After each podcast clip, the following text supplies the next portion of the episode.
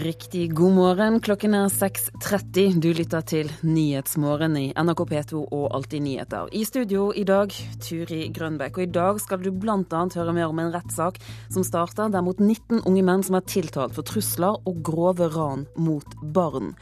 Maksprisavtaler på strøm er bare tull, det er dyrt og det er unødvendig, sier Forbrukerrådet.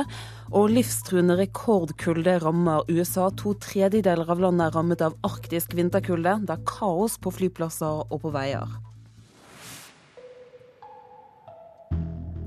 Alt dette blir det mer om her i Nyhetsmorgen. Aller først til rettssaken som starter i dag etter noen av fjorårets mange barneran i hovedstaden.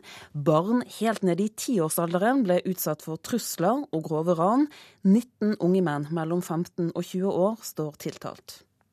Nei, det er tilfeldige gutter og, og, jenter i ung alder. Sier politiadvokat Trine Dyngeland. Hun er én av aktorene i den meget omfattende rettssaken der flertallet av de tiltalte trolig kommer til å si seg skyldige i det de er tiltalt for. Politiadvokatene ved Stovner politistasjon blar i saksmappen foran rettssaken. Der er det beskrevet over 25 ulike tilfeller der barn på østkanten i Oslo er blitt ranet. I mange av sakene ble ofrene truet til å gi fra seg dyre mobiltelefoner, og mange av dem ble også utsatt for vold. To 18-åringer er tiltalt for å følge etter en 13 år gammel gutt, ta kvelertak på ham, sette et kne i brystet hans og deretter ta mobilen hans. En 18-åring og en 17-åring er tiltalt for å ha slengt en 10 år gammel gutt i bakken, for så å ta mobilen hans. De enkelte forholdene er egentlig ikke spesielle. Men det som er spesielt, er at det er såpass mange tiltalte og såpass mange forhold i, i samme hovedforhandling. Sier Viola Bjelland, som også er aktor i saken. De yngste tiltalte er ikke mye over den kriminelle lavalder. Likevel kan det bli aktuelt å kreve fengsel, sier Bjelland. Også I utgangspunktet så kan de risikere fengsel pga. alvoret i, i handlingen, de handlingene eh, saken gjelder. Men eh, men det er jo også meget aktuelt med samfunnsstraff her. Rettssakene mot de 19 unge mennene er planlagt å vare i seks uker. Politiadvokat Trine Dyngeland forklarer hvorfor de har brukt så mye ressurser på denne saken. Det er alvorlig fordi at uh, dette ble gått mot svært unge personer, helt ned til uh, niårsalderen. Noen har vært utsatt for vold og eller trusler i, i denne forbindelse. Og det er også begått i deres nærmiljøer. Eh, noe som skaper en generell utrygghet, eh, der man i utgangspunktet skal føle seg trygg på vei til skolen eh, i forbindelse med fritidsaktiviteter osv. Reporteren, det var Arild Svalbjørg. Det har gått et større jordras i Nord-Trøndelag, på fv. 17 mellom Steinkjer og Namsos. Politiet er sikre på at ingen mennesker eller kjøretøyer er rammet. Det skal heller ikke ligge hus så nær rasstedet at de er i faresonen. Anleggsarbeid med sprengninger pågår i nærheten, men det er for tidlig å fastslå at dette er årsaken. Flere strømselskaper selger dyre maksprisavtaler til kundene sine som de vet er unødvendige. Det mener Forbrukerrådet. Norges største strømleverandør Hafslund tar 1200 kroner fra en typisk familie. Det er bare tull å bruke penger på dette, sier fagdirektør Thomas Bartholsen i Forbrukerrådet. Det er mange eksperter som har fortalt oss gjennom høsten at strømprisene i vinter kommer til å ligge lavt. Og dermed så blir dette en tullegaranti. Du betaler penger for å unngå en prisøkning som likevel ikke kommer til å inntreffe. Mye regn og mildvær så langt i vinter gjør at strømprisene er lave. Bare litt over 30 øre per kilowattime og ifølge ekspertene vil de holde seg lave. Likevel anbefaler selgere fra Norges største strømleverandør Hafslund folk å tegne strømavtaler med maksprisgaranti. Det betyr at en familie i et rekkehus betaler 1200 kroner ekstra i vinter for å sikre seg at strømprisen deres ikke blir over 60 øre. Det reagerer Forbrukerrådet på. Jeg syns ikke de burde ha kommet med dette tilbudet. Det er en måte for selskapet til å øke sine inntekter. Hafslund benekter at de tjener mer på kundene som kjøper maksprisavtaler, som er blant selskapets mest populære strømavtaler. Markedssjef Thomas A. Bråten sier mange kunder ønsker å betale ekstra for sikkerhet. Maksprisgaranti er jo et mer komplisert produkt for oss å håndtere. Eh, det er en del risiko forbundet med produktet. og Derfor koster det, det litt mer sammenlignet med en del andre produkter. Det er en det er en forsikring du betaler. Jeg tenker at veldig mange kunder er opptatt av forutsigbarhet for å være sikret mot, eh, mot de høye, aller høyeste strømprisene. Men med de lave prisene vi har nå, trenger vi som kunder ikke å frykte dette, mener Forbrukerrådet. De anbefaler derfor folk å si opp dyre strømavtaler med prisgaranti. Bråten i Hafslund svarer at det selvsagt er opp til kundene. Kundene står fritt til å velge, og Hafslund har flere strømavtaler å velge mellom. Eh, og da tenker jeg Man kan enten ta kontakt med kundesenteret eller gå inn på Hafslund sine hjemmesider eh, og enkelt bytte produkt hvis man ønsker det. Det er ingen bindingstid på maksprisgaranti. Reporter var Tom Ingebrigtsen. USA trapper opp leveransene av avanserte våpen til Irak, der Al Qaida har vært på offensiven de siste ukene. Irak skal bl.a. få raketter og droner raskere enn planlagt i kampen mot Al Qaida. I forrige uke tok opprørere kontroll over Fallujah, som er den største byen i Anbar-provinsen. To tredjedeler av USA er rammet av en arktisk kuldebølge. I delstaten Wisconsin ble det målt 37 minusgrader i går. Mange steder er det ventet at temperaturene blir enda lavere i dag. Mange har mistet livet, og mange flyavganger er kansellert. Bilder av snøføyke i bygater, folk som luter seg mot vinden som om de var på høyfjellet, biler på tvers og fly så fulle av is at selv en amatør ser at de ikke kan lette. Malstrømmen fra Arktis, som den kalles, er hovedsaken på alle nyhetskanalene her i USA nå. I Chicago var det 24 minus i går kveld, og over halvparten av flyene står fordi drivstofflagrene eller utstyret som brukes til å fylle drivstoff, er frosset, opplyser flyplassmyndighetene. I delstaten Minnesota er de vant med kulde, men i går stengte skolene selv der. I den sørlige staten Atlanta, som slett ikke er vant til kuldegrader, var det minus sju i går kveld. Kraftig vind gjør at den effektive temperaturen enkelte steder er nede i under minus 50, forteller meteorologene, og advarer mot at den verste kulda på 20 år kan være dødelig. Foreløpig har minst fire mistet livet, de fleste i trafikkulykker. De færreste amerikanere har vinterdekk. Flere delstater har opprettet ekstra mottakssentre for hjemløse, men det er ventet at antall døde vil stige. Kulda bremser også oljeproduksjon, varetransport og truer hvetefrøene i bakken. I dag treffer den østkysten, og den gir seg ikke før tidligst i morgen. Groholm, Washington. Vi skal hjem igjen, for Turist-Norge tapte markedsandeler i fjor, i 2013. Da sviktet både tyskere og nederlendere, som er viktige turistgrupper for Norge. Vinterprognoser fra Innovasjon Norge viser en avventende holdning fra reiselivsaktørene. Audun Pettersen, du er direktør for reiseliv og kultur i Innovasjon Norge. Hvordan merker dere denne litt avventende holdningen? Det vi ser, er at vi gjør undersøkelser blant både norske destinasjoner og utenlandske turoperatører. Og de er litt mer avventende i år i forhold til hvordan sesongen vintersesongen kommer til å bli. Men så må vi huske på én ting, og det er at sesongen i fjor var veldig, veldig bra. Men likevel så er dere litt bekymret. Hvorfor det? Vi er litt bekymret fordi både Tyskland og Nederland er ganske viktige markeder for oss. Så, og det skaper ganske store mm, svikt i reiselivsmarkedet, og det er vi litt bekymret for, jeg må absolutt innrømme.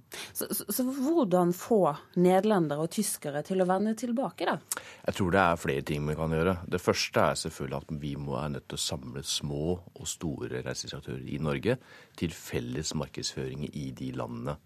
Eh, for det har vært litt sånn spredt, og man har gjort litt som man ville. Men man må samle seg om ett budskap og være tydelig og klar på det. Hva er budskapet, da? Budskapet er selvfølgelig at Norge er et fantastisk eh, fjelland. Her kan du få fantastiske opplevelser.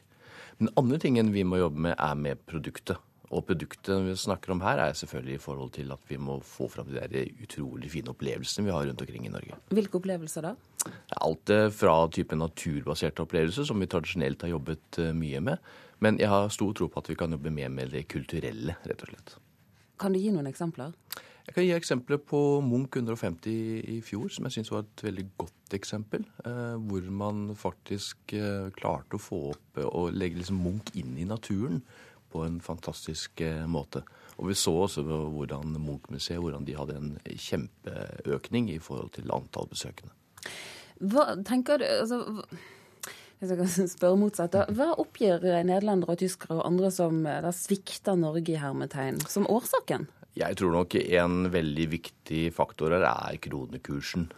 Eh, at den har vært veldig veldig sterk de siste årene. Eh, nå tror jeg vi får litt drahjelp i år, i forhold til at vi, vi ser at krona svekker seg litt. Jeg snakker om 14-15 eh, Og vi må vite at mange av de turistene vi tradisjonelt har henvendt oss til, faktisk er ganske prisbevisste og ser på pris kontra kvalitet. Er alle turister like verdifulle? Selvfølgelig, jo lenger unna du bor eh, sånn i verden, jo mer penger ligger du igjen i en ferie. Det, det ser vi helt klart. Eh, asiatene har mye høyere forbruk eh, per døgn enn f.eks. en svenske. Og det er naturlig i forhold til at du har med reiseavstand å gjøre. Og veldig ofte når du er i naboland, så har du kanskje venner og kjente du skal besøke. Og Der ser vi en ganske stor og interessant utvikling. At veldig mye av markedet dreier seg mer og mer nå mot øst og da Asia spesielt. Vi må si takk for at du kom hit til Nyhetsmorgen, Audun Pettersen, som er direktør for reiseliv og kultur i Innovasjon Norge. Tiden er inne for å se nærmere på dagens avisforsider. Unge bør la seg styre av fornuft og ikke følelser når de velger utdanning. Det er det klare rådet fra Trond Giske i Arbeiderpartiet. Å følge sin drøm kan bli et mareritt, det er overskriften. Frykten er at mange unge utdanner seg til arbeidsledighet. Også Aftenposten skriver om utdanning i dag. De slår opp en historie om en 29-åring med mastergrad som er arbeidsløs. Næringslivets hovedorganisasjon mener utdanningssystemet ikke leverer den kompetansen arbeidslivet krever. Vi skal ikke bare ta hensyn til næringslivet i dag, svarer universitetsrektor i avisen. Adresseavisen slår opp forskning om barnevernet, som viser at barn fra familier med lavere sosial klasse oftere ender i fosterhjem enn barn fra høyere klasser, som oftere blir plassert på institusjon. Vårt Land slår opp historier om en mann som ble far mot sin vilje, og som krever rett til juridisk abort. Det er umulig å fraskrive seg farskapet, svarer en advokat til avisen. Strømprisene kommer til å gjøre et prishopp i distriktene. Regjeringen kutter 90 millioner kroner i utjevningstilskudd, det skriver Nasjonen. Finansavisen skriver om at de rikeste sender barna sine ut av Norge for å gå på eliteskoler. To av tre milliardærarvinger sendes ut av landet for å ta utdanningen sin der. LO vil ta frihetsbegrepet tilbake fra høyresiden. LO-lederen skriver i Klassekampen i dag at historisk så har frihet vært et av de viktigste målene for fagbevegelsen. Så skriver flere aviser om et tregt boligmarked i dag. Dagens Næringsliv skriver at det er nærmest januarsalg. Bergens Tidende skriver at én av fem boliger ikke har solgt etter to måneder. Ifølge avisen sitter mange boligkjøpere på gjerdet og venter på ytterligere prisfall. Mens VG skriver om Norges nye skatteregler og gir deg smarte triks ved arv.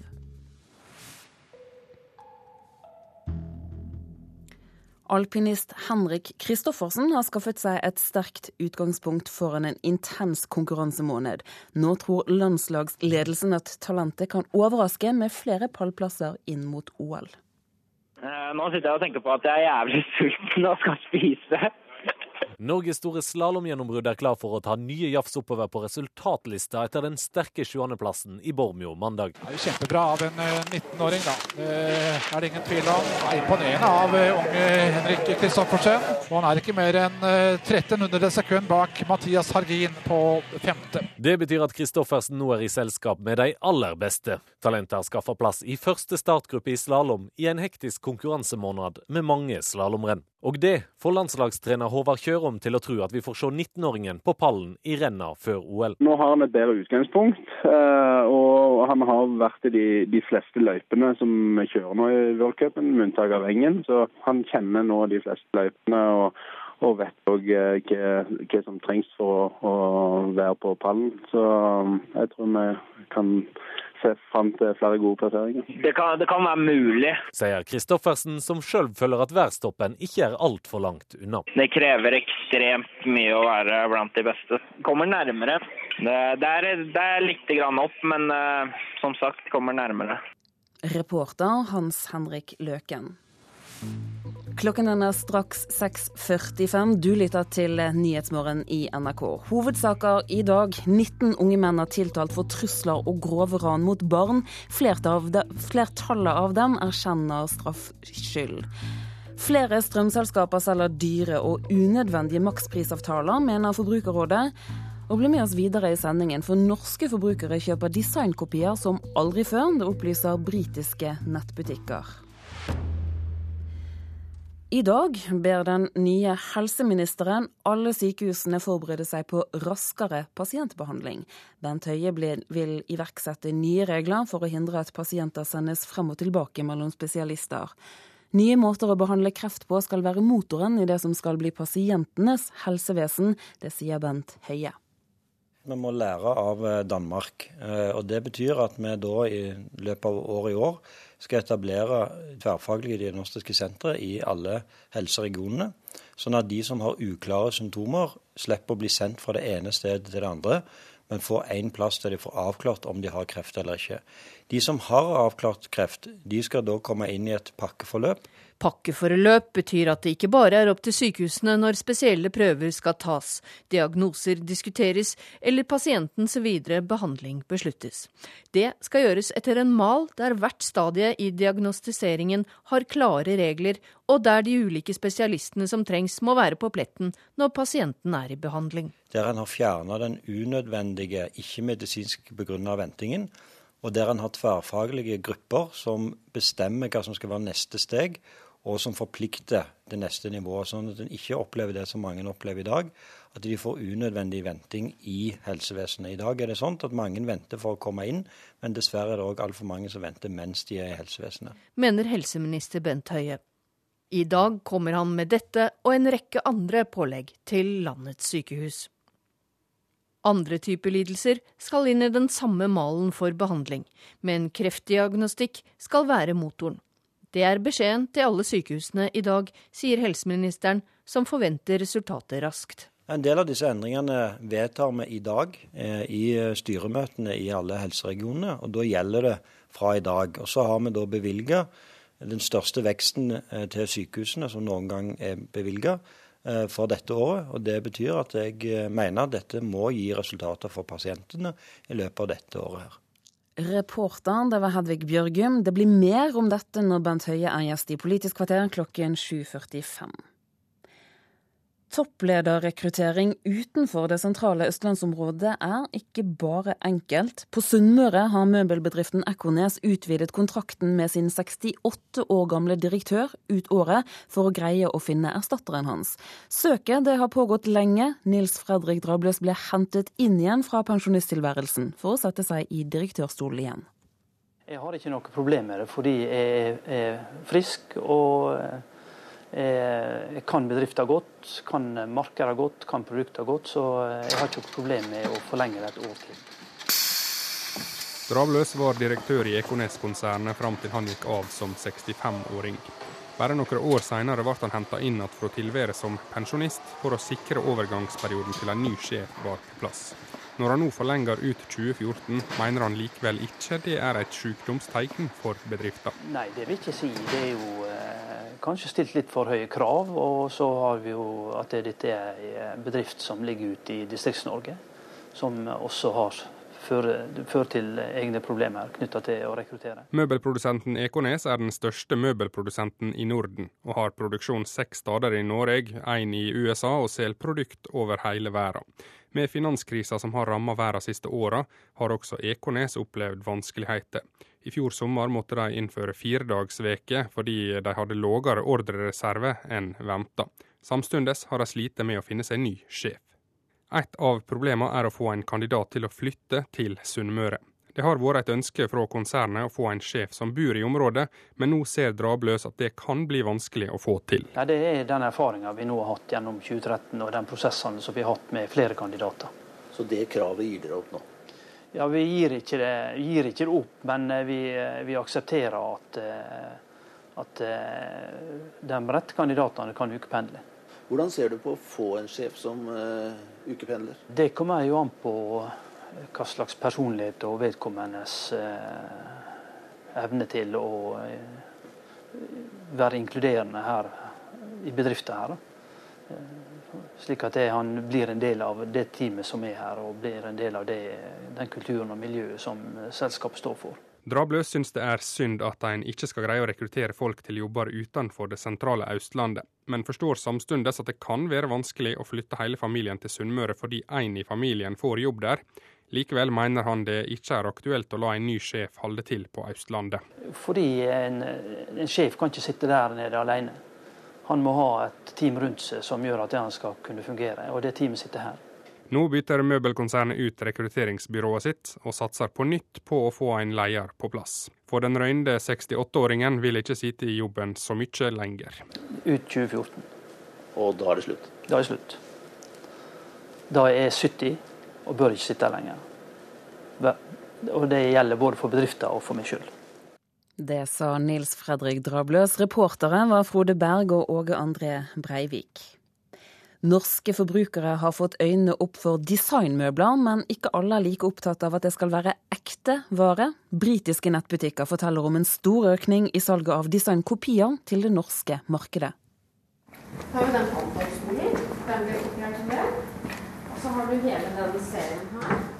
Møbelprodusenten Vitra selger originale designmøbler fra butikken ved Nationaltheatret stasjon i Oslo.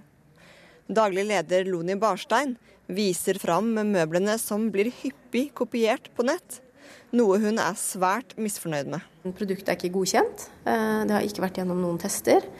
Eh, det er heller ikke betalt inn eh, avgift selvfølgelig til designeren. I Norge og store deler av EU er det først lov å selge kopier av designmøbler 70 år etter designerens død.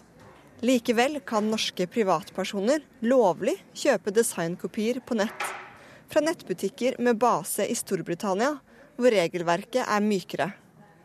Det har ført til at flere nettbutikker markedsfører seg mot norske kunder, med kopier av designmøbler til en langt lavere pris. Vi vokser kraftig i, i hele Europa, og, og eh, just spesifikt Norge vokser vi også. Jeg vet at Vi hadde en artikkel i, i, i norske Dagens Næringsliv, og det gjorde at, at vi fikk eh, en veldig tilstrømning av kunder fra just Norge. Da.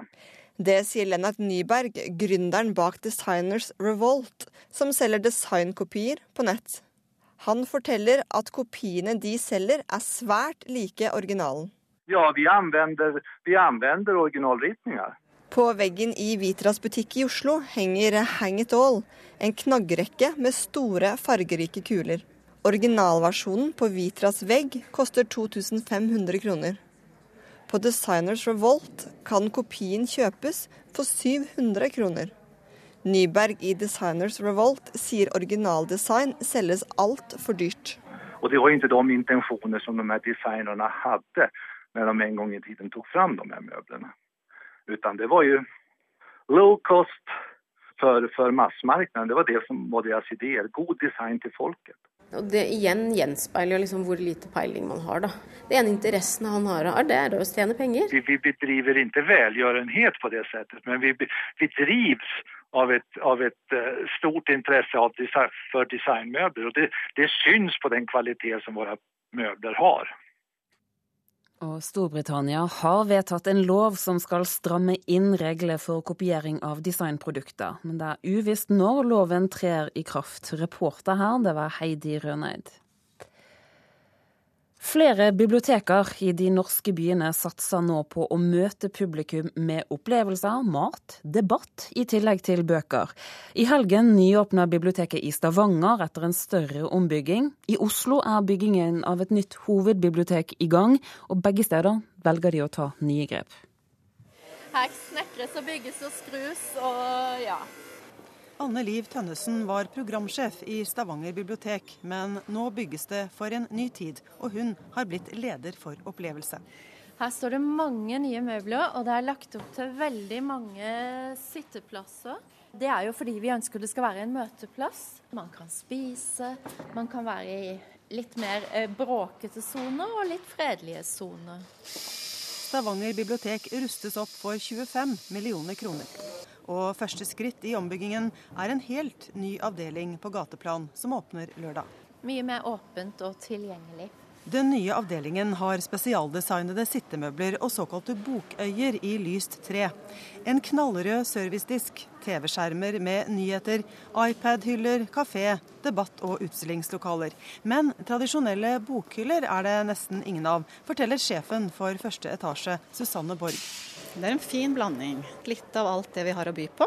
Så det blir som en smakebit på det man kan finne oppover i etasjene? Mm. Så på skjønnlitteratur så vi, plukker vi mye av det nyeste som kommer, og det som vi kaller for enukeslån. Da. Men det er nye, helt ferske bøker som du bare kan låne en kort stund. Internett, googlingen, eh, folk finner informasjon på andre måter. Dermed så må vi begynne å endre oss før det er for sent. Sammen med det nye Deichmanske hovedbibliotek som nå bygges i Bjørvika i Oslo, er Stavanger først ute med den fysiske ombyggingen til framtidas opplevelsesbibliotek. Flere kommer nok til å følge de to byenes eksempel, tror nylig avgått sjef ved Deichmanske, Liv Seteren. Det som skjer i Stavanger og på nye Deichman, det er at særlig første etasje er et veldig aktivt sted hvor innholdet møter brukerne med en gang man kommer inn døra. Det er vel det at vi først og fremst tar rommet i bruk som en formidlingsmetode. Er ikke det kult langbord? Mesterkokk Sven Erik Renå skal drive Bibliotekkafeen i Stavanger med eget langbord inne i bokavdelingen. Og det å kunne kombinere det å lese og, og, og, nyte andre ting, er jo en fantastisk ting. Det gjør man jo hjemme òg. Så er det såpass god avstand at du også kan føle at du, du må ikke snakke med de som er rett overfor deg er mange ting som er tenkt ut nøye her. Det sa til slutt Anne Liv Tønnesen ved Stavanger bibliotek. Reporter her, det var Anette Johansen Espeland. Her i Nyhetsmorgen nå skal vi ta med oss et værvarsel, vi. Det gjelder frem til midnatt. Vi starter med fjellet i Sør-Norge, som kan vente seg sørlig kuling utsatte steder i høyfjellet. Enkelte snøbyger og trolig oppholdsvær nord for Jotunheimen. Østlandet, Telemark sørvest liten kuling på kysten. Det blir spredte regnbyger og lokal tåke. Agder, der blir det sørvest liten kuling på kysten. Noen regnbyger og lokal tåke i eh, indre strøk. Vestlandet sør for Stad, sørlig periodevis stiv kuling på kysten. Nord for Karmøy, der blir det sterk kuling. I kveld minking til sørvest liten kuling. Nord for Florø, sørlig opp i sterk kuling. Det blir regn og haglbyger og utrygt for tordenvær.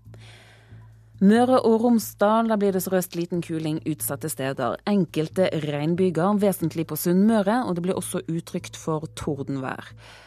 Trøndelag sørøst liten kuling utsatte steder. I ettermiddag minking til frisk bris. Forbigående litt regn først på dagen, ellers så blir det stort sett oppholdsvær.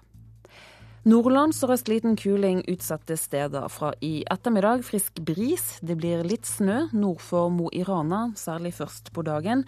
Ellers blir det delvis skyet oppholdsvær.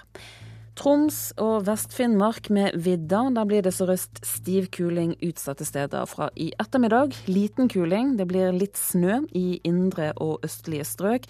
Ellers så kan man vente seg skyet oppholdsvær.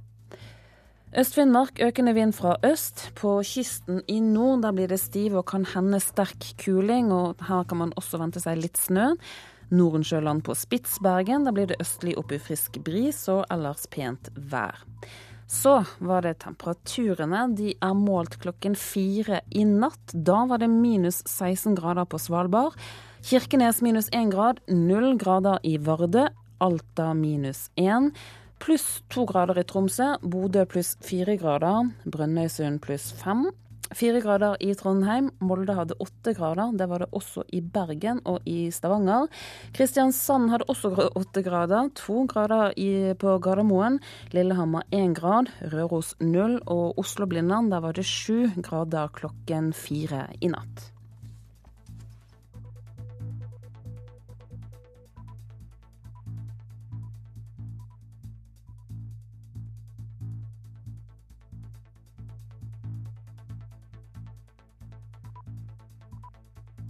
NRK P2.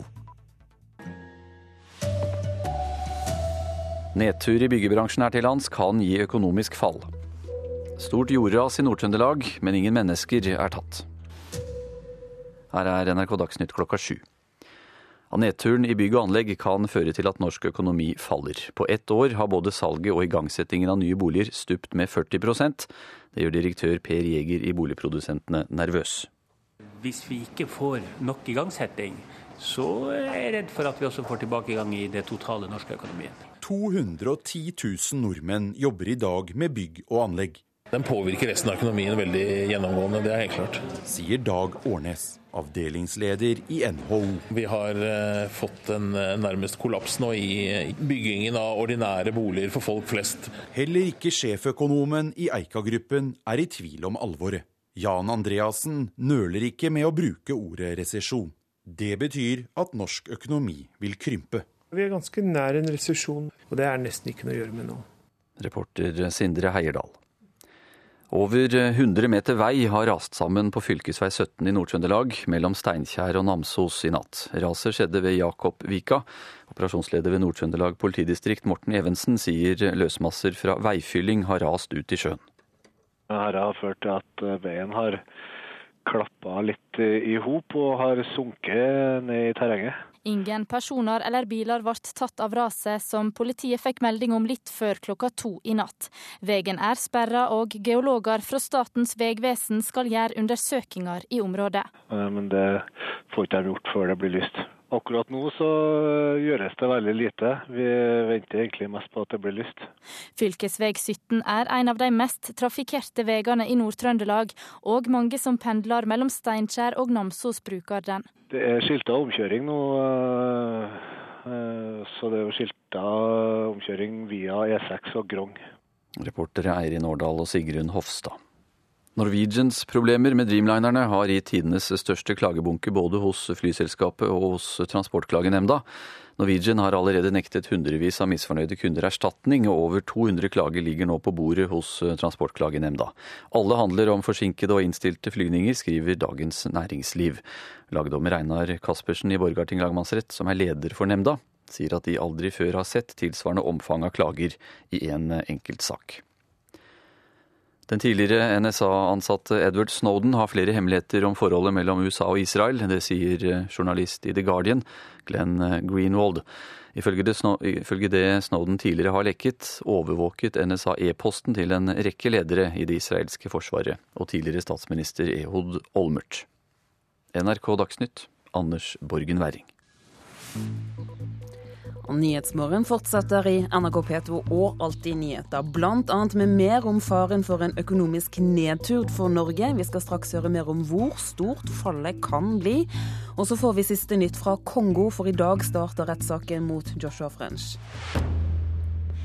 En av landets største bransjer går tøffe tider i møte. Nedturen i bygg- og anleggsnæringen kan gi fall i den norske økonomien. Hos boligbyggere, bankene og hos næringslivets hovedorganisasjon så begynner nå varsellampene å blinke.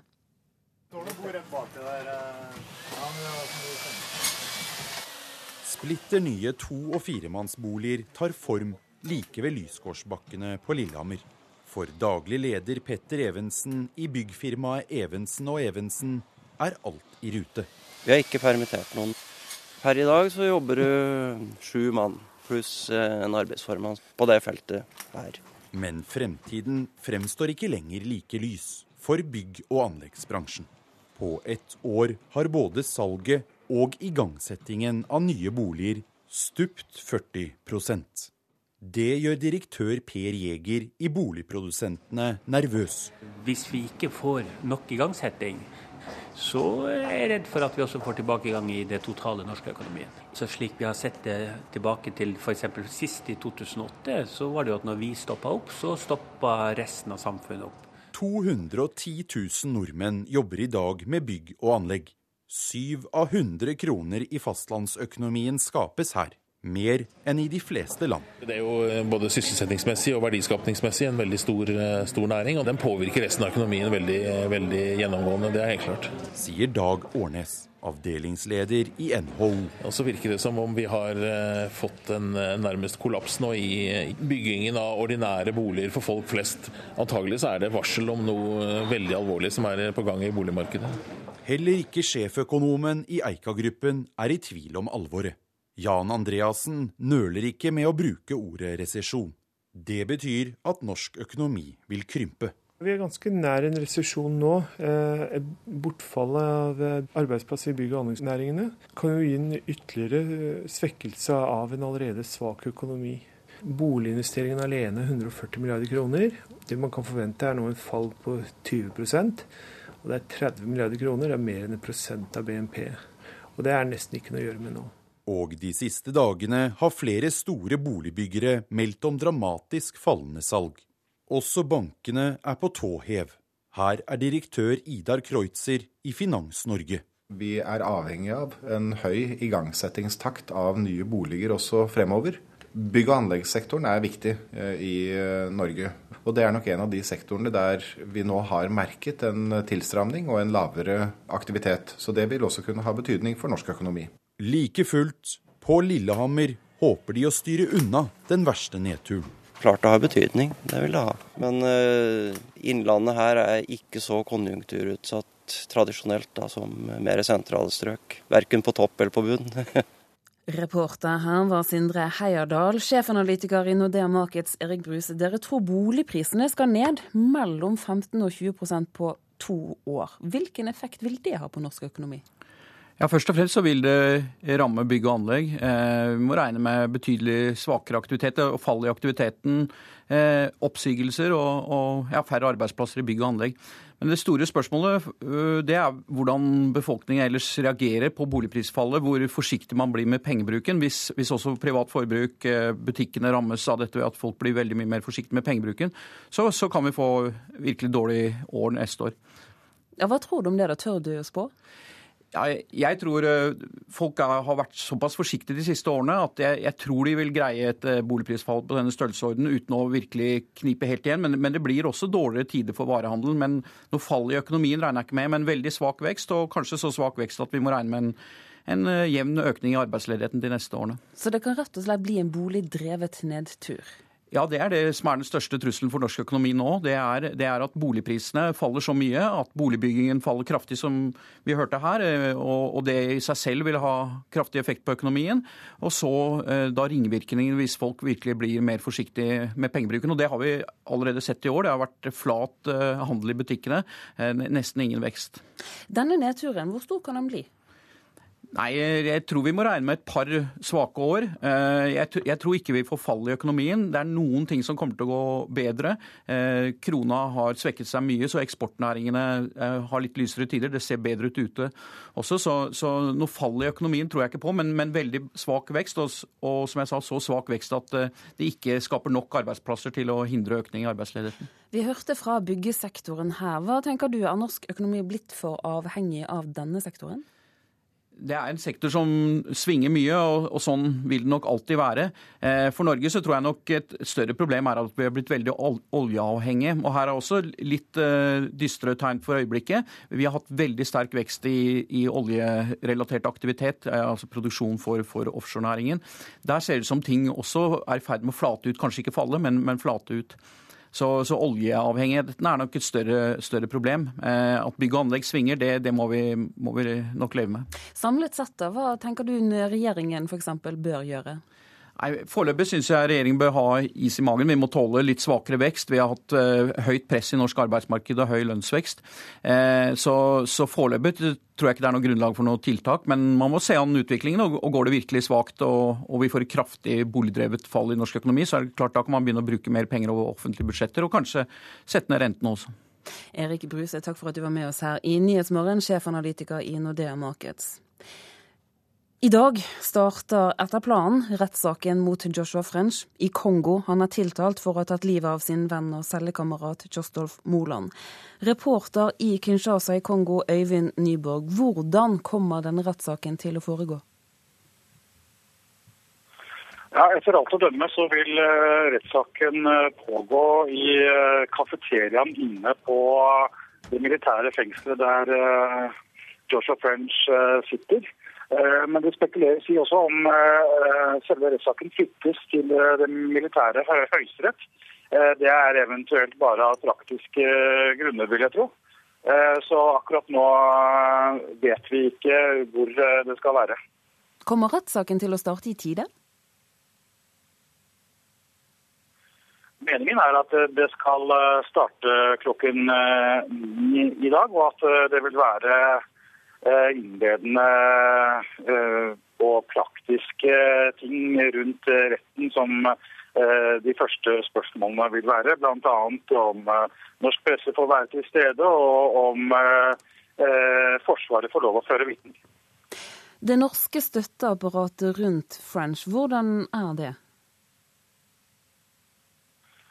Ja, helt konkret så vil eh, Norges spesialutsending Kai Eide eh, være til stede. Eh, også Charles de Fer, eh, som eh, kommer fra eh, Angola, han vil være til stede. Dessuten en stedlig norsk representant fra Utenriksdepartementet vil være her. Og vil jo også anta at Eh, det eh, laget som kommer fra Kripos også vil eh, iallfall sitte på tilhørerbenken i, i første omgang. Øyvind Nyborg, vår reporter i Kinshasa, takk skal du ha. Følger altså rettssaken i Kongo. Morten Bøås, du er forsker ved Norsk utenrikspolitisk institutt. Det kongolesiske rettssystemet, hvordan vil du beskrive det?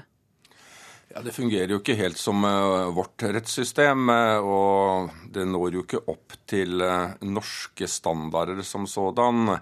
Og det er et rettssystem både med institusjonelle svakheter og til tider også svakheter knytta til både korrupsjon og maktmisbruk. Men jeg vil få lov til å legge til at sett etter kongolesisk standard, så er ikke de rettssakene som har blitt ført mot Moland og French nødvendigvis veldig dårlige. Så kan man jo stille seg spørsmål om hva sier det mest om, om våre standarder eller eh, om rettssystemet i Kongo. Hvilke problemer sa du for deg kan oppstå i en slik rettssak, da? Nei, altså Nå får vi se hvordan denne rettssaken altså denne kommer til å utspille seg. Den blir veldig annerledes tror jeg, enn de som ble ført i Kisangani, av flere årsaker. Det ene, Men en viktig årsak er at denne her rett og slett går i Kinshasa og eh, dermed er mye nærmere hva skal man si, maktens i hvert fall det politiske maktens sentrum i, eh, i, Kongo. Det kommer til å spille en rolle. Og jeg tror nok også at det spiller en rolle her at uh, denne prosessen rundt både Moland og French, og nå bare French, har på mange måter også ført i hvert fall deler av det politiske Kongo, deler av det politiske Norge, nærmere hverandre. Det har, altså, det har tvunget de to landene til å ha mer kontakt med hverandre. Og det har nok også på en del måter utsatt uh, Spesielt også den militære påtalemyndigheten får en del påvirkning utenfra som den tidligere ikke har hatt. Så jeg tror dette blir en veldig annerledes rettssak. Og så får vi se hvilke utfordringer den vil åpne opp for. Kan du si noe om hva som eh, eventuelt da verdsettes høyt i Kongo i en slik rettssak? Altså hva som verdsettes høyt Jeg tror nok eh, vi må forstå at eh, sett fra kongolesisk side så ønsker man å, å få noe respekt for deres systemer. Man verdsetter nok også høyt Eh, at, det, at man på mange måter forholder seg til deres spilleregler.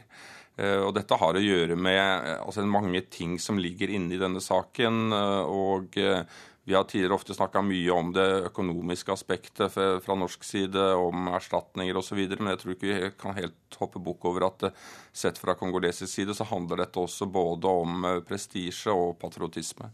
Så, så, i forhold til det, hva bør advokaten til Joshua French legge vekt på?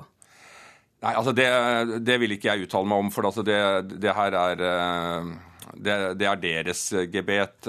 Men jeg tror nok det er viktig, altså uansett hvordan type sak det måtte være som utlendinger kommer opp i, i Kongo, at man viser respekt for, eh, for, kongolesisk rett, og at man viser respekt for de kongolesiske dommerne. Helt uavhengig av hvordan man stiller seg til et eventuelt eh, skyldspørsmål, så må man vise respekt overfor de, ellers så kan man eh, ligge dårligere an enn man ellers ville gjort. Morten Bøås, takk skal du ha. Klokken er straks 7.15 når du lytter til Nyhetsmorgen i NRK. Hovedsaker i dag. En nedtur i byggebransjen kan gi et økonomisk fall for eh, Norge. Som vi hører, Joshua French er tiltalt for drap i Kongo, og i dag starter rettssaken.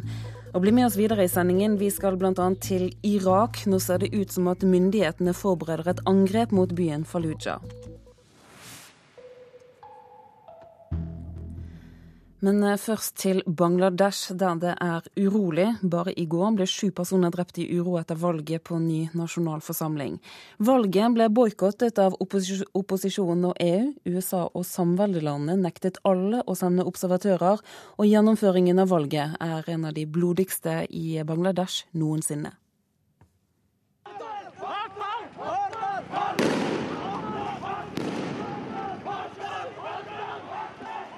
Unge menn kaster sten mot opprørspolitiet. Det er en følelse av raseri og politisk apati i gatene i Dhaka.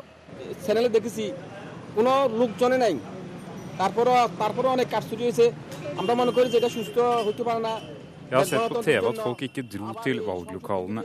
I tillegg var det mange falske stemmer. Vi mener at dette ikke er greit i et demokrati. Det beste ville være om parlamentet blir oppløst og et nytt valg blir holdt, sier Kamal Hussain, en ung mann som sier han jobber i privat sektor. Bangladesh fikk i fjor 96 millioner kroner i bistand fra Norge. Landet som tidligere var en del av britisk India, og i 1971 løsrev seg ifra Pakistan, har i underkant av 160 millioner innbyggere. Til tross for uroen rundt valget har landet hatt fem år med sterk økonomisk vekst. Mange frykter at den politiske konflikten vil ramme tekstilindustrien, som står for 80 av all eksporten fra Bangladesh. Landet er regnet som et av verdens mest aller korrupte av Transparency International, og anklager om korrupsjon ligger bak mye av uroen i forbindelse med valget. Opposisjonsleder Khaleda Sia og hennes parti BNP boikottet valget i protest mot at det i valgperioden ikke ble innsatt en interimregjering. Statsminister Sheikh Hasina fra partiet Awami League avviser alle anklager og sier valget var fritt og rettferdig, og at ordningen med en nøytral interimregjering ikke er nødvendig. Valget gikk fredelig for seg. Det ble stemt i 18 000 valglokaler. BNP og Jamat-partiet sto bak vold noen steder, men disse tilfellene var i prosent svært få og helt ubetydelige.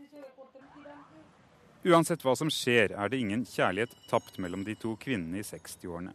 De har vekslet på å sitte i opposisjon og regjering de siste to tiårene. Men om Sheikh Hasina nå blir sittende, er det en seier med en bismak og lite troverdighet. Valgdeltagelsen har neppe vært på mer enn rundt 20 til sammen er mer enn 100 personer drept i uro knyttet til valget.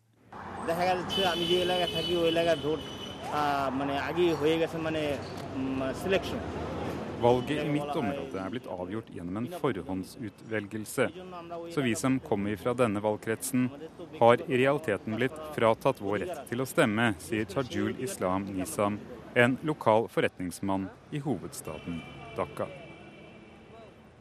Reporteren, det var Philip Lote. I Irak kan det nå se ut som at myndighetene forbereder et angrep mot byen Fallujah, som Al Qaida har tatt kontroll over. Statsministeren har bedt innbyggerne i Fallujah og i Ramadi om hjelp med å kaste ut opprørerne for å unngå en åpen konfrontasjon. Sigurd Falkenberg Mikkelsen, du er vår Midtøsten-korrespondent. Kan dette bety at vi står foran en gryende borgerkrig i Irak? Ja, Går de eh, inn i eh, Fallujah med den irakiske hæren, så er faren for at dette kan utvikle seg til en fullverdig borgerkrig. Eh, vi har jo sett en opptrapping, en gradvis opptrapping det siste trekvart året etter lokalvalgene, med veldig mange bombeangrep. Men nå står vi overfor en ny situasjon med en med mer klassisk gerilja versus en hærkonflikt. Myndighetene kaller de sunnimuslimske Al Qaida-opprørerne i Anbar-provinsen for terrorister. Har de støtte i lokalbefolkningen? Det er veldig stor misnøye med statsminister Nouri al-Maliki. Den sunnimuslimske minoriteten eh, føler seg diskriminert. Eh, Maliki gir heller ikke noe særlig rom eh, for de sunnimuslimske politiske kreftene. Det er klart at det åpner muligheter for grupper à la ISIS, som er den gruppen som nå har tatt kontroll over Fallujah og deler av Ramadi, som er tilknyttet til Al Qaida. Men samtidig skal vi også huske på at lokale stammer tidligere har kastet ut med våpen i hånd de ekstremistiske sunnimuslimske organisasjonene. I Irak så kan man nå ane konturene av en allianse mellom USA og Iran, der begge ønsker å bekjempe Al Qaida, også med tanke på Syria. Kan en slik felles interesse få regionale konsekvenser, tror du? Ja, det finnes ingen rette linjer i Midtøsten. Eh, allianser krysses eh, overalt. Eh, og akkurat her så har Iran og USA felles interesser. Skulle det komme til et gjennombrudd i atomforhandlingene mellom USA og Iran, så kan dette få større regionale konsekvenser. Men akkurat nå tror jeg dette er en av mange adhoc-allianser som finnes rundt om i Midtøsten. USAs utenriksminister John Kerry han er på reise i regionen og har vært ganske klar på at USA ikke skal involvere seg i en ny konflikt i Irak. Hvor sannsynlig er det at amerikanerne holder seg unna? Ja, noen soldater vil de ikke sende, eh, men de har sagt at de vil sende mer militært utstyr, eh, inkludert eh, droner og Hellfire-raketter. De selger jo allerede ganske mye militært utstyr til Bagdad. Det er på en måte det eneste de har igjen etter den krigen, eh, etter Irak-krigen. Eh, de har minimalt med politisk innflytelse. Det er iranerne som har eh, bukta begge endene i Bagdad. Men det de gjør nå, viser jo hvor seriøs den trusselen som kommer fra Al Qaida-tilknyttede grupper. Og det går jo da, som du var inne på i stad, et område nå som strekker seg fra utkanten av Bagdad og helt opp til eh, Syria, også med forgreininger inn i Libanon, eh, hvor disse gruppene har et stort eh, spillerom. Vi må si takk for at du var med oss her i Nyhetsmorgen, Midtøsten-korrespondent Sigurd Falkenberg Mikkelsen. Vi skal se nærmere på avisene, vi, og hva de har på forsidene sine i dag. Flere som skriver om utdanning, bl.a. Aftenposten. De slår opp en historie om en 29-åring med mastergrad som er arbeidsløs. Næringslivets hovedorganisasjon mener utdanningssystemet ikke leverer den kompetansen som arbeidslivet krever. Vi skal ikke bare ta hensyn til næringslivet i dag, svarer universitetsrektor i avisen. Og så får unge et klart råd av Trond Giske i Arbeiderpartiet, nemlig å la seg styre av fornuft og ikke følelser når de velger utdanning. Å følge sin drøm kan bli et mareritt, er overskriften i eh, Dagsavisen.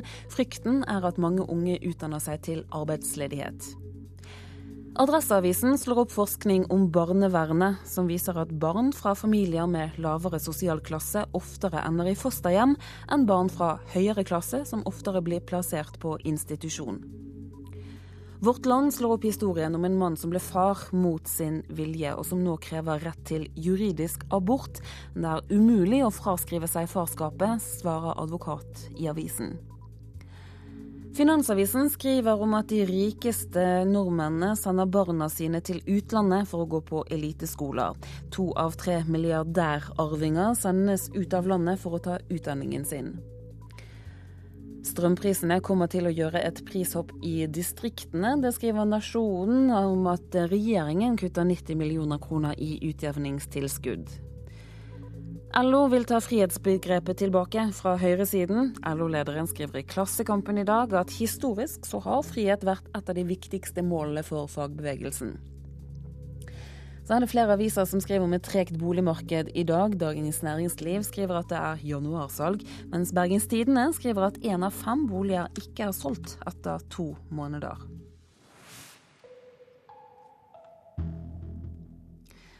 Vi skal til eh, Telemark, som nå får en felles rusforebyggende plan for alle de videregående skolene i fylket. Det er trolig den første i sitt slag her i Norge.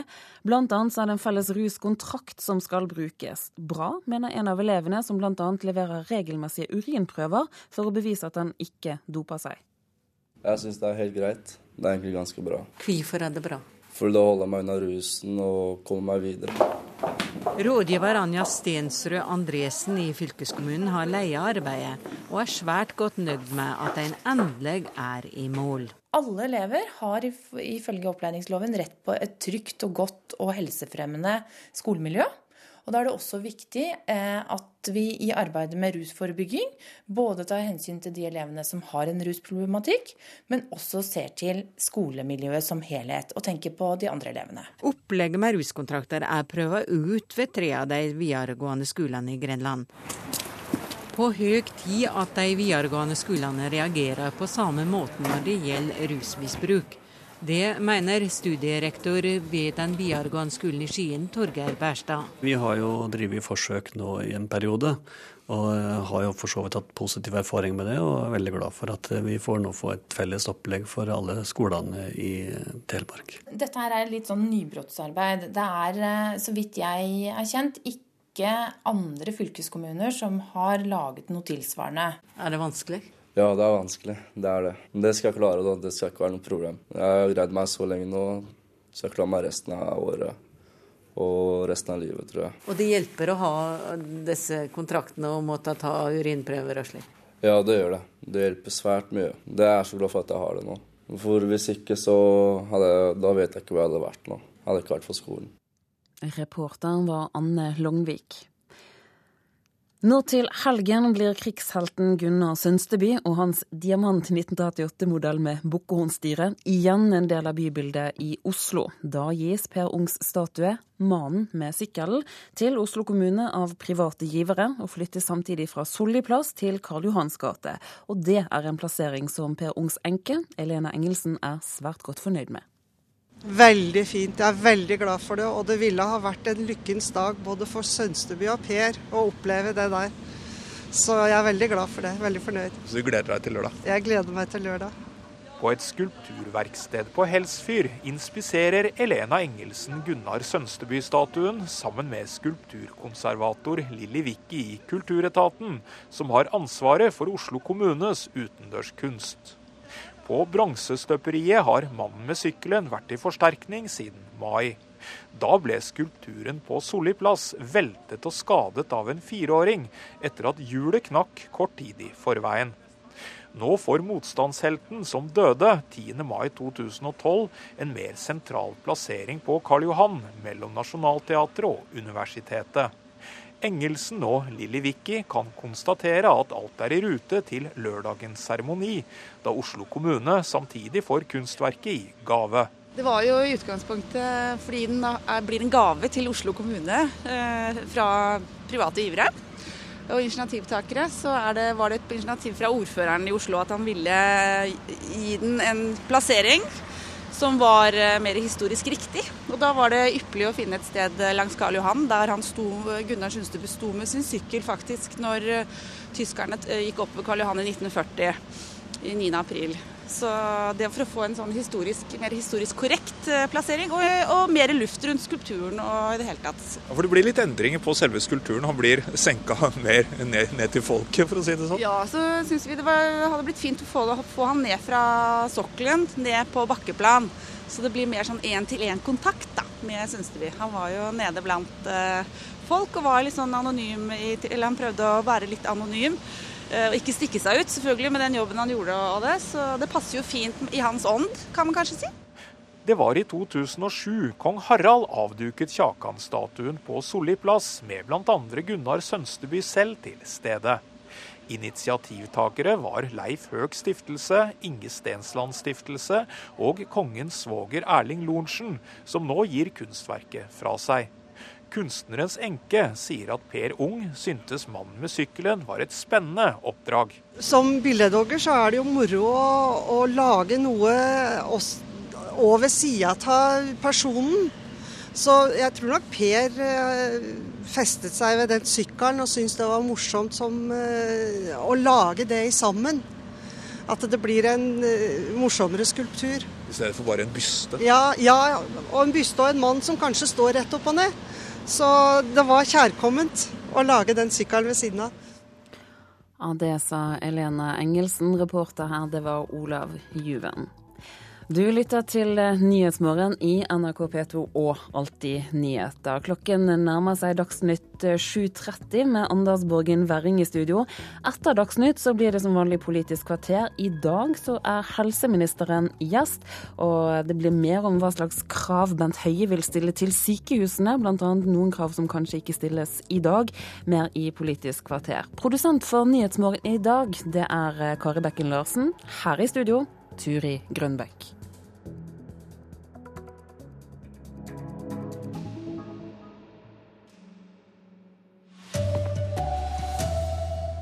Varsellampene blinker hos boligbyggere og banker. Nedtur i byggebransjen kan krympe norsk økonomi allerede i år. Maksprisavtale på strøm er bare tull. Dyrt og unødvendig, mener Forbrukerrådet. Og Rettssaken mot Joshua French starter etter planen i dag, men det er usikkert når og hvor den skal foregå. Her er NRK Dagsnytt klokka 7.30. Nedturen i bygg- og anleggsbransjen kan gi en krympet norsk økonomi allerede i år. Hos boligbyggere, banker og NHO så er man nå bekymret. Men på Lillehammer, der er anleggsarbeiderne fortsatt i full sving. Splitter nye to- og firemannsboliger tar form like ved Lysgårdsbakkene på Lillehammer. For daglig leder Petter Evensen i byggfirmaet Evensen og Evensen er alt i rute. Vi har ikke permittert noen. Per i dag så jobber du sju mann pluss en arbeidsformann på det feltet her. Men fremtiden fremstår ikke lenger like lys for bygg- og anleggsbransjen. På ett år har både salget og igangsettingen av nye boliger stupt 40% Det gjør direktør Per Jæger i Boligprodusentene nervøs. Hvis vi ikke får nok igangsetting, så er jeg redd for at vi også får tilbakegang i det totale norske økonomien. 210 000 nordmenn jobber i dag med bygg og anlegg. Syv av 100 kroner i fastlandsøkonomien skapes her. Mer enn i de fleste land. Den påvirker resten av økonomien veldig, veldig gjennomgående, det er helt klart. Sier Dag Årnes, avdelingsleder i NHO. Vi har eh, fått en nærmest kollaps nå i byggingen av ordinære boliger for folk flest. Antagelig så er det varsel om noe veldig alvorlig som er på gang i boligmarkedet. Heller ikke sjeføkonomen i Eika-gruppen er i tvil om alvoret. Jan Andreassen nøler ikke med å bruke ordet resesjon. Det betyr at norsk økonomi vil krympe. Vi er ganske nær en resesjon nå. Det man kan forvente er nå en fall på 20% og Det er 30 milliarder kroner, det er mer enn en prosent av BNP. Reporter her, det var Sindre Heierdal. Og sjefanalytiker i Nordea Markets, Erik Bruse, tror arbeidsløsheten kommer til å øke de neste åra. Ja, Først og fremst så vil det ramme bygg og anlegg. Eh, vi må regne med betydelig svakere aktivitet og fall i aktiviteten. Eh, oppsigelser og, og ja, færre arbeidsplasser i bygg og anlegg. Men det store spørsmålet det er hvordan befolkningen ellers reagerer på boligprisfallet. Hvor forsiktig man blir med pengebruken. Hvis, hvis også privat forbruk, butikkene rammes av dette ved at folk blir veldig mye mer forsiktige med pengebruken, så, så kan vi få virkelig dårlig år neste år. Ja, Hva tror du om det? da? Tør du å spå? Jeg tror folk har vært såpass forsiktige de siste årene at jeg, jeg tror de vil greie et boligprisfall på denne størrelsesordenen uten å virkelig knipe helt igjen. Men, men, det blir også dårligere tider for varehandelen. Men noe fall i økonomien regner jeg ikke med, men veldig svak vekst. Og kanskje så svak vekst at vi må regne med en, en jevn økning i arbeidsledigheten de neste årene. Erik Brus ble intervjuet av Turi Grønbekk. Flere strømselskaper selger dyre maksprisavtaler til kundene sine som de vet er unødvendige. Det sier fagdirektør Thomas Bartholsen i Forbrukerrådet. Ifølge eksperter så kommer strømprisene til å holde seg lave. Og Dermed så blir dette en tullegaranti. Du betaler penger for å unngå en prisøkning som likevel ikke kommer til å inntreffe. Mye regn og mildvær så langt i vinter gjør at strømprisene er lave bare litt over 30 øre per kilowattime. Og ifølge ekspertene vil de holde seg lave. Likevel anbefaler selgere fra Norges største strømleverandør Hafslund folk å tegne strømavtaler med maksprisgaranti. Det betyr at en familie i et rekkehus betaler 1200 kroner ekstra i vinter for å sikre seg at strømprisen deres ikke blir over 60 øre. Det reagerer Forbrukerrådet på. Jeg syns ikke de burde ha kommet med dette tilbudet. Det er en måte for selskapet til å øke sine inntekter. Hafslund benekter at de tjener mer på kundene som kjøper maksprisavtaler. Markedssjef Thomas A. Bråten sier mange kunder ønsker å betale ekstra for sikkerhet. Veldig mange kunder er opptatt av forutsigbarhet for å være sikret mot, mot de høye, aller høyeste strømprisene. Men med de lave prisene vi har nå, trenger vi som kunder ikke å frykte dette, mener Forbrukerrådet. De anbefaler derfor folk å si opp dyre strømavtaler med prisgaranti. Bråten i Hafslund svarer at det selvsagt er opp til kundene. Kundene står fritt til å velge, og Hafslund har flere strømavtaler å velge mellom. Man kan enten ta kontakt med kundesenteret eller gå inn på Hafslund sine hjemmesider og enkelt bytte produkt hvis man ønsker det. Det er ingen bindingstid på maksprisgaranti. Reporter Tom Ingebrigtsen. Så til eh, Kongo. Der skal etter planen rettssaken mot eh, Joshua French starte i dag. Han er eh, tiltalt for å ha tatt livet av sin venn og cellekamerat Kjøstolf Moland. Reporter i Kinshasa, Øyvind Nyborg, det er litt forvirring nå om rettssaken i det hele tatt starter i dag, og hvor den skal foregå. Hva er siste nytt nå? Siste nytt er at lederen for det militære tribunalet, han står ved at uh, saken skal starte inne i fengselet der uh, Joshua French sitter, og i kafeteriaområdet der. I hvilken grad er norske myndigheter representert under rettssaken, og hvor mye kommer det til å involvere seg her?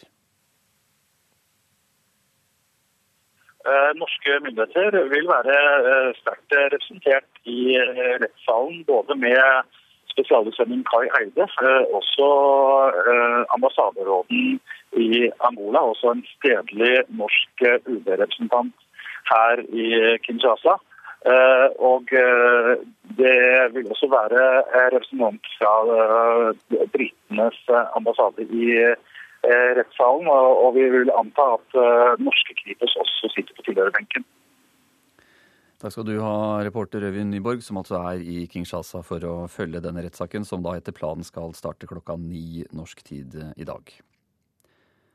Norwegians eh, problemer med Dreamlinerne har gitt tidenes største klagebunke både hos flyselskapet og hos eh, Transportklagenemnda. Norwegian har allerede nektet hundrevis av misfornøyde kunder erstatning, og over 200 klager ligger nå på bordet hos Transportklagenemnda. Alle handler om forsinkede og innstilte flygninger, skriver Dagens Næringsliv. Og lagdommer Einar Kaspersen i Borgarting lagmannsrett, som er leder for nemnda, sier at de aldri før har sett tilsvarende omfang av klager i en enkeltsak. I dag starter rettssaken etter noen av fjorårets mange barneran i hovedstaden. 19 unge mellom 15 og 20 år må møte i Oslo tingrett tiltalt for mobiltelefontyverier, trusler og grove ran mot barn ned i niårsalderen. Det er tilfeldige gutter og, og jenter i ung alder. Sier politiadvokat Trine Dyngeland. Hun er én av aktorene i den meget omfattende rettssaken der flertallet av de tiltalte trolig kommer til å si seg skyldige i det de er tiltalt for.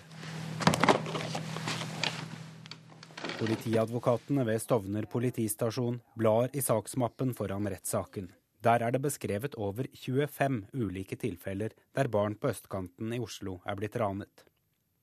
To 18-åringer er tiltalt for å følge etter en 13 år gammel gutt, ta kvelertak på ham, sette et kne i brystet hans og deretter ta mobilen hans. En 18-åring og en 17-åring er tiltalt for å ha slengt en 10 år gammel gutt i bakken, for så å ta mobilen hans. De enkelte forholdene er egentlig ikke spesielle. Men det som er spesielt, er at det er såpass mange tiltalte og såpass mange forhold i, i samme hovedforhandling. Sier Viola Bjelland, som også er aktor i saken. De yngste tiltalte er ikke mye over den kriminelle lavalder. Likevel kan det bli aktuelt å kreve fengsel, sier Bjelland. Men det er jo også meget aktuelt med samfunnsstraff her. Reporter her, det var Arild Svalbjørg, og det er satt av seks uker til denne rettssaken. Vi er ikke langt unna å ha mange norske hoppere i toppen. Ja, Det sier eh, Anders Bardal etter årets eh, siste hoppukerenn. Men landslagssjefen eh, savner fortsatt stabilitet hos utøverne like før OL.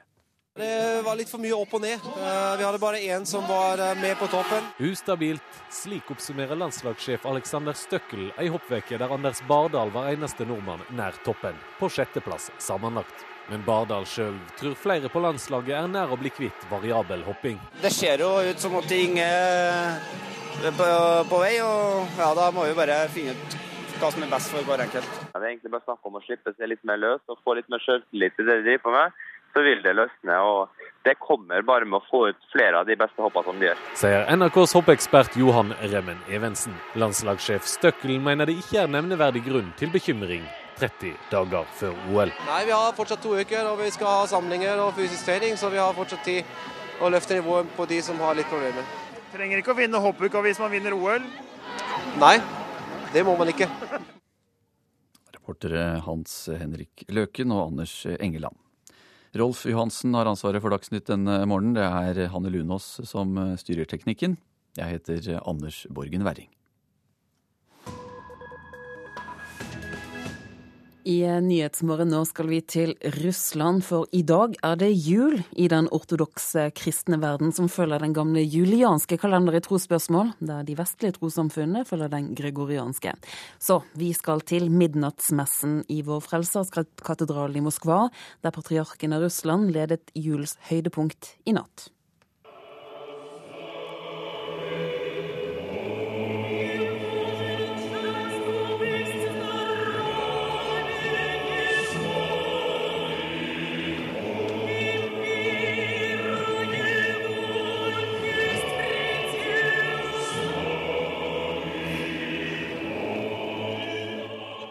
Høydepunktet under midnattsmessen her i Moskva var salmen 'Gud være med oss', fremført av koret i Vår Frelserskatedralen. Dette er en hymne til profeten Jesaja, som levde 700 år før Kristus, for hans varsel om Jesu komme. Siden Guds fornektelse var en ideologisk hjørnestein i den sovjetiske ateiststaten fra 1917 til 1991, fikk millioner av TV-seere her i Russland kyndig kristendomsundervisning under direkteoverføringen på fjernsynet som millioner fulgte i natt. Midnattsmessen avsluttet den strenge adventsfasten før familienes julefest kunne ta til. I likhet med den angelsaksiske verden legges julefeiringen i hjemmene her i Russland til i dag, første juledag. Da kommer julenissen med gaver, og i hvert fall til de 40 millioner aktive kirkegjengerne, som patriark Kirill 2., overhodet for den russisk-ortodokse kirken, regner med til sin jord. Patriarken, som har en paves autoritet blant troende i Russland, ledet midnattsmessen i Vår Frelserskatedralen vis-à-vis Kreml på Moskvaelvens venstre bredd. Dette er en av verdens største kirker og sentrum for den kristne gudstro her i Russland nå.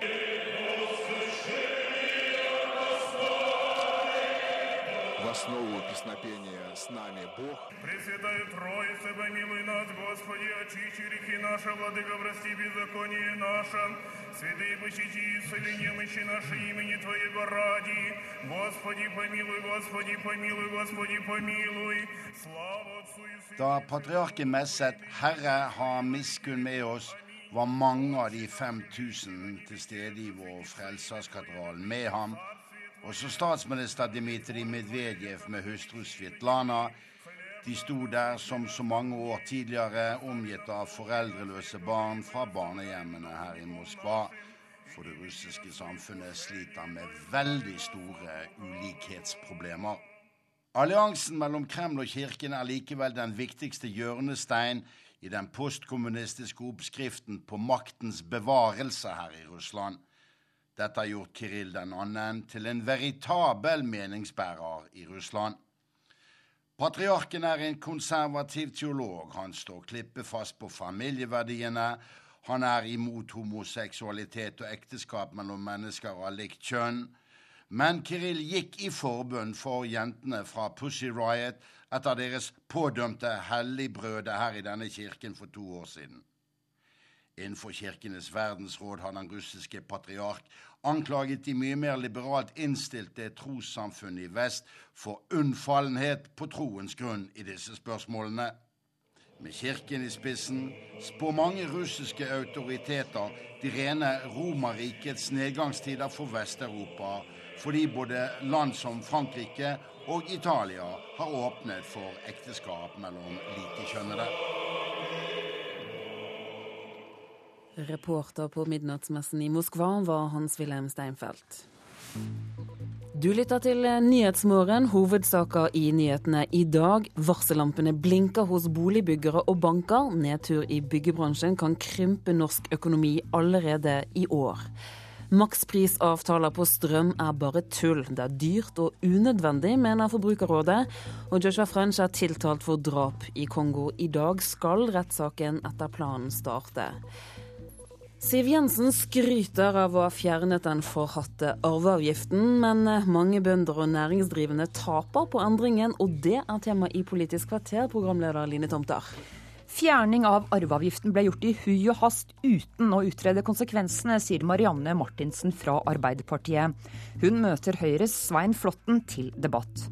Helseministeren kommer også for å fortelle sin plan for å korte ned sykehuskøene.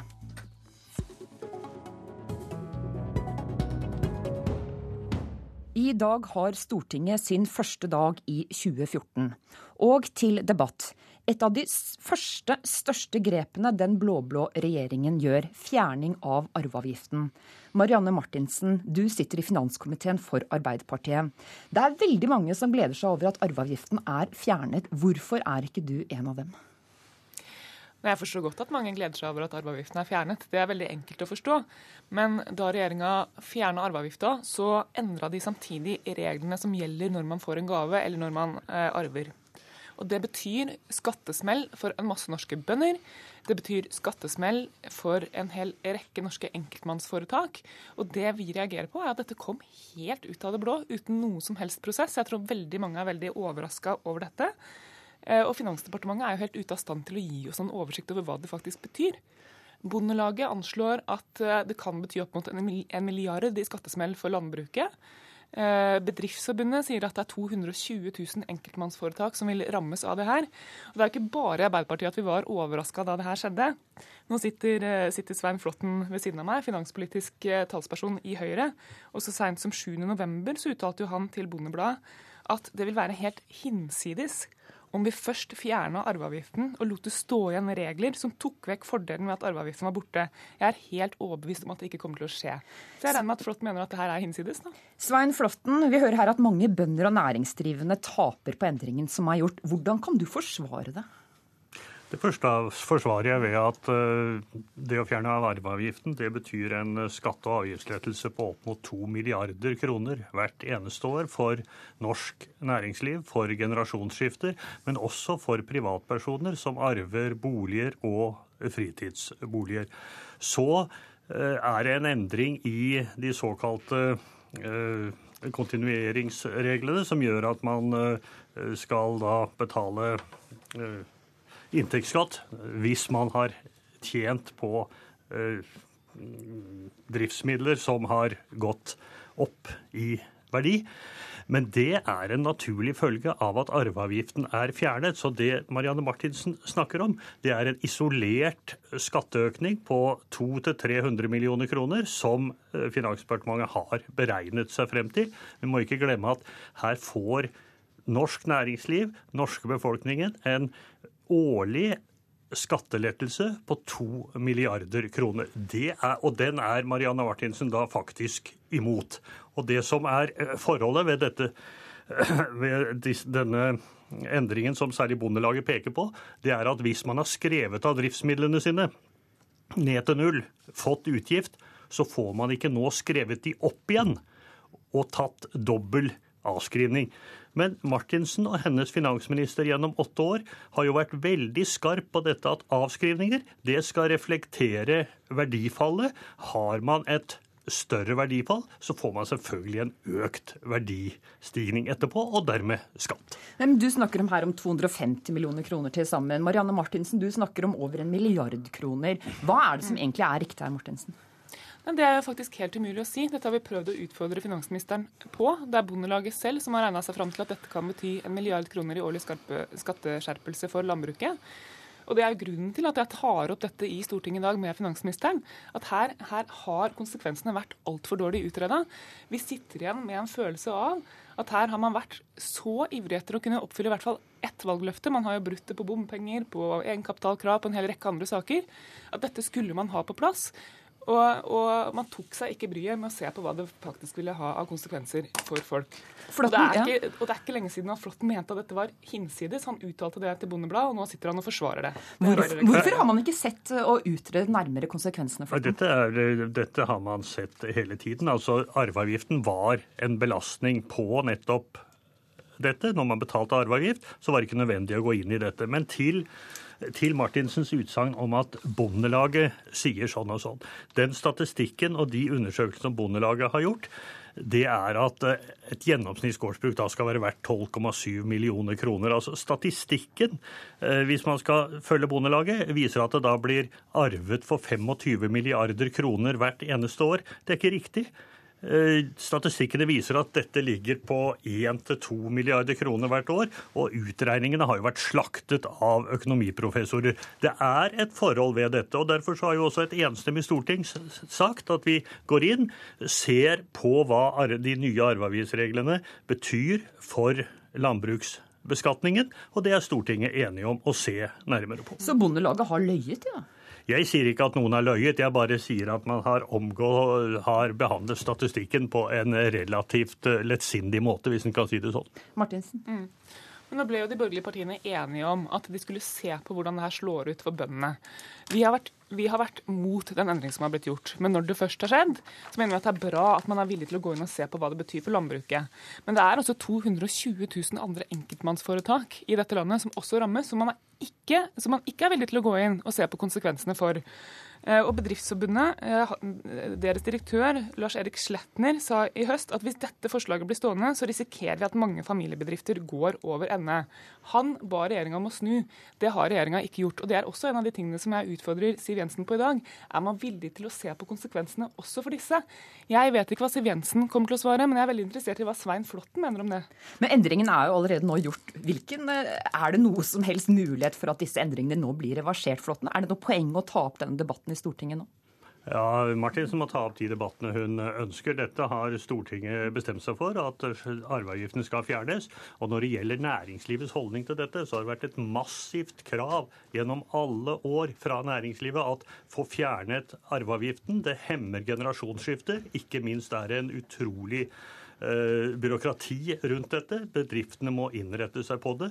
Nettopp derfor så har det vært etterlyst av næringslivet lenge. Så vil man selvfølgelig se på at det også skaper ulemper, men ulempene oppveies mange, mange ganger om av at man fjerner arveavgiften i sin helhet. Regnestykket viser jo det. Opp mot to milliarder i skattelettelse, mens det ligger en 200-300 millioner som kan ramme enkelte. Martinsen? Mm.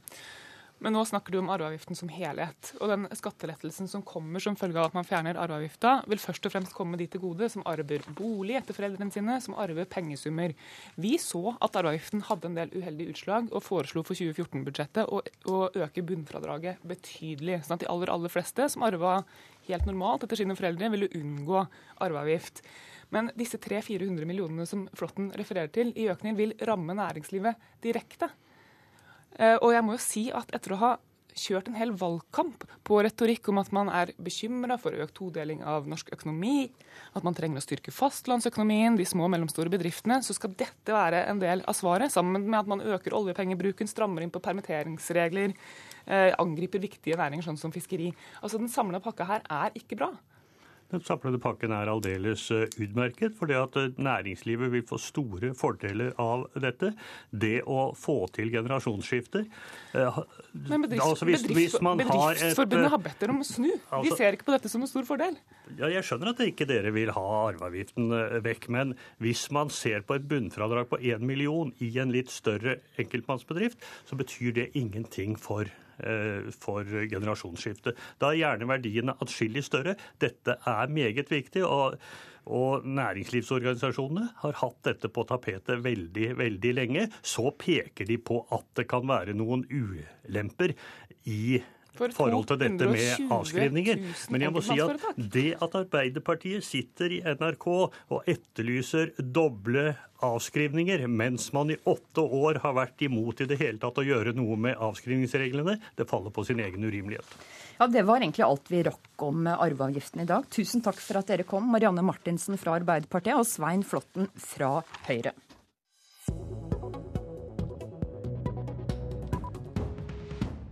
I valgkampen kom han med sterk kritikk av de rød-grønnes helsepolitikk.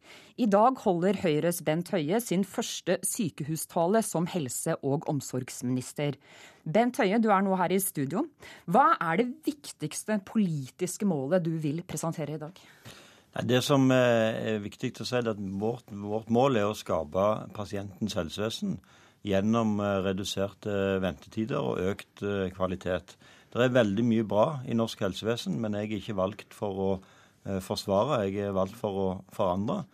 Og Det betyr at jeg i dag kommer til å presentere seks nye løsninger for eh, et eh, bedre helsevesen, der pasienten settes i sentrum.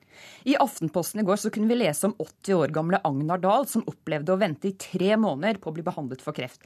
Han ble rett og slett glemt av sykehuset.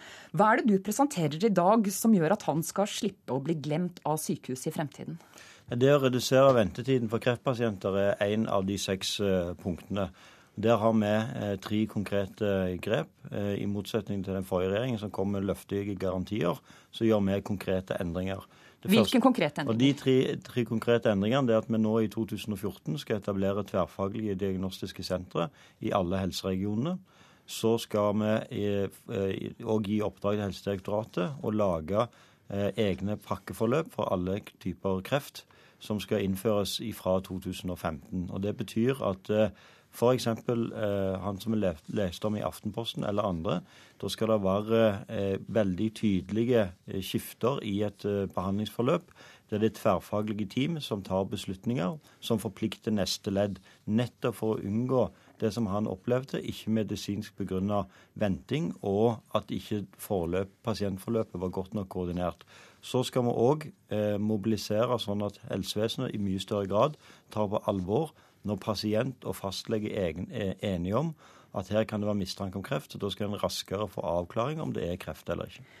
Men pasientene har jo veldig gode rettigheter i dag også. Hva er det ved systemet du går inn og endrer? Nei, at Vi mener at pasientene har gode rettigheter. Det har Høyre vært forkjemper for, både Høyre og Fremskrittspartiet. Men vi kommer òg til å gå inn for å styrke pasientens rettigheter ved å bl.a. Eh, innføre fritt eh, behandlingsvalg, som har vært en eh, viktig sak eh, for oss.